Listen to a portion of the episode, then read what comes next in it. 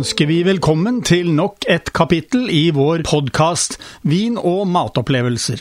Som vi har gjort tidligere, vil vi tilby deg gode tips om mat og vin, ikke minst nyheter etter hvert som de kommer på Vinmonopolet. I tillegg til det vil vi ta spesielt for oss kombinasjoner av mat og drikke. Vær så god, det er servert.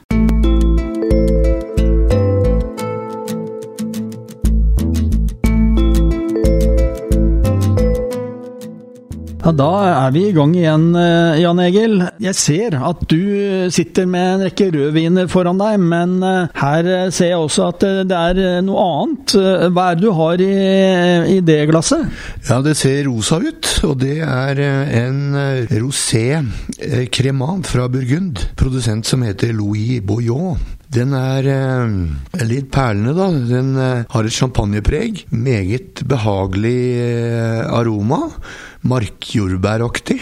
Litt utypisk. De fleste i Norge er kjent, som er kjent med kremant, er jo kjent med hvite kremaner. Kremant er eh, produsert på champagnemetoden, men utenfor området champagne. Eh, Burgund er veldig vanlig å finne i polets hyller i Norge, men også, også Alsace og andre områder fra Frankrike. Så kremant er da alternativet til champagne. Ofte ser vi møter med høy kvalitet. Noen ganger vanskelig faktisk å skille fra champagne, eh, aromamessig, smaksmessig, men til en mye lavere pris. Denne koster 180 kroner. En champagne må det ofte opp i det dobbelte. For å si det sånn, dessverre så er det kun, kun, på bestillingsutvalget vi finner denne. Det betyr at du som kunde må da bestille den enten over nett eller ved samtale med ekspeditør i butikk. Det går jo veldig godt an å bestille på nett, da. Jeg har eh, prøvd det gjentatte ganger selv, når det er noe spesielt jeg har lyst på. Ja da, det er absolutt. Da er det bare hvis man ønsker å prøve en eh, god rosé cremant fra Burgund, så kan, eh, så kan dere huske navnet Louis Bouillon cremant.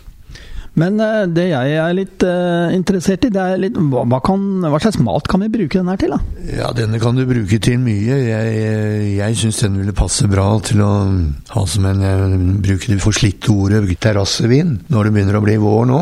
Hytteveggen ved påsketider, f.eks.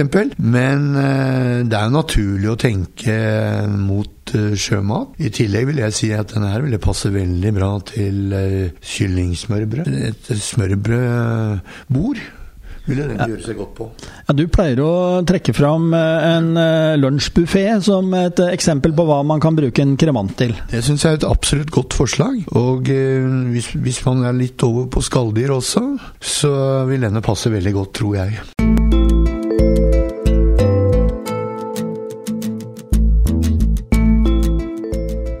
Og nå har du fått eh, to rødviner foran deg. Og eh, den ene, det, de er jo egentlig vidt forskjellige, men eh, de er interessante begge to, syns jeg. Det er matviner, kan du bruke det som i hvert fall. Jeg vet ikke om du ser for deg noe, noe annet? Nei, absolutt matviner.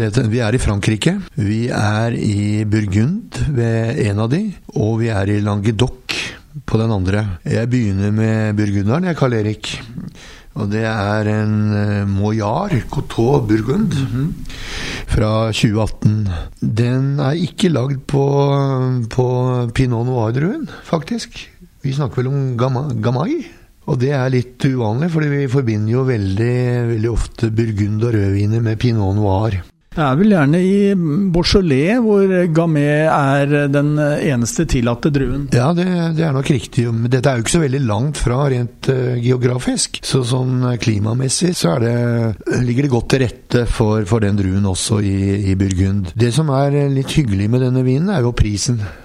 Burgund er jo, vi hører om det, leser om det i avisene, om disse rådyre, flotte burgunderne, hvor folk ligger i kø flere netter utenfor Vinmonopolets butikker, spesielt her i Oslo. Og man snakker jo om priser opp til 60 000 kroner flaska, har jeg lest. Det er det glade vannvin. Her får man en god eh, vin til en grei pris.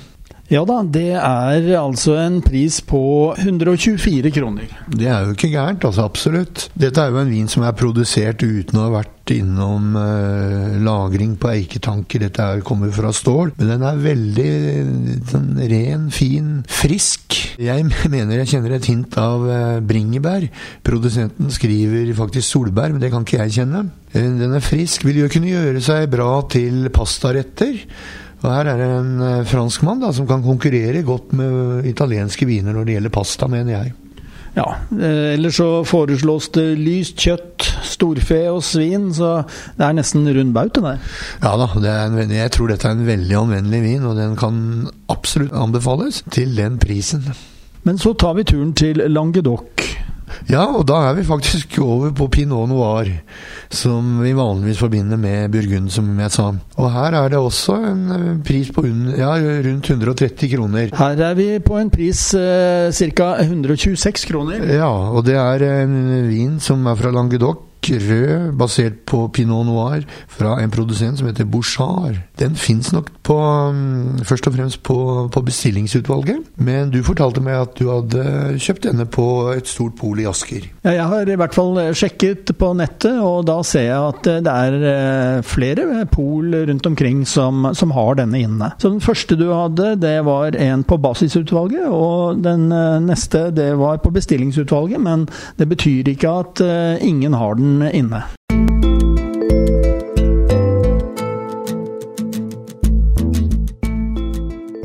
Ja, Da holdt jeg på å si at vi har eh, tatt en tur til Emilia Romagna.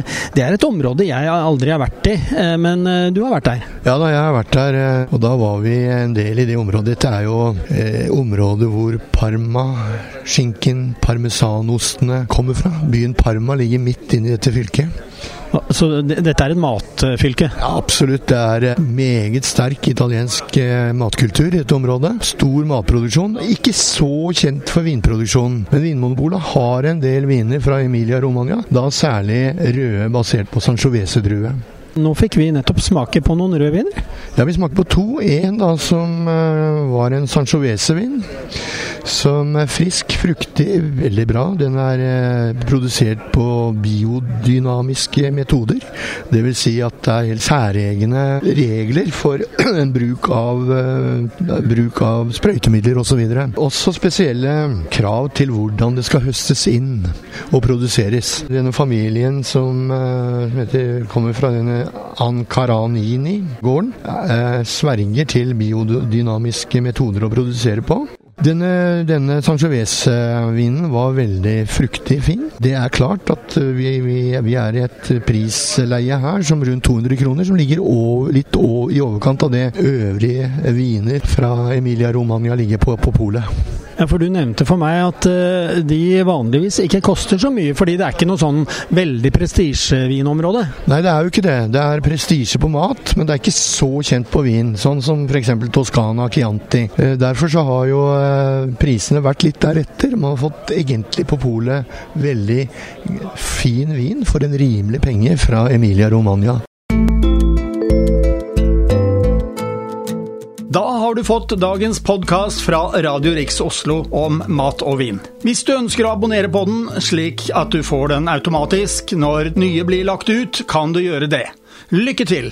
Kommende mandag får du neste kapittel. Vi høres!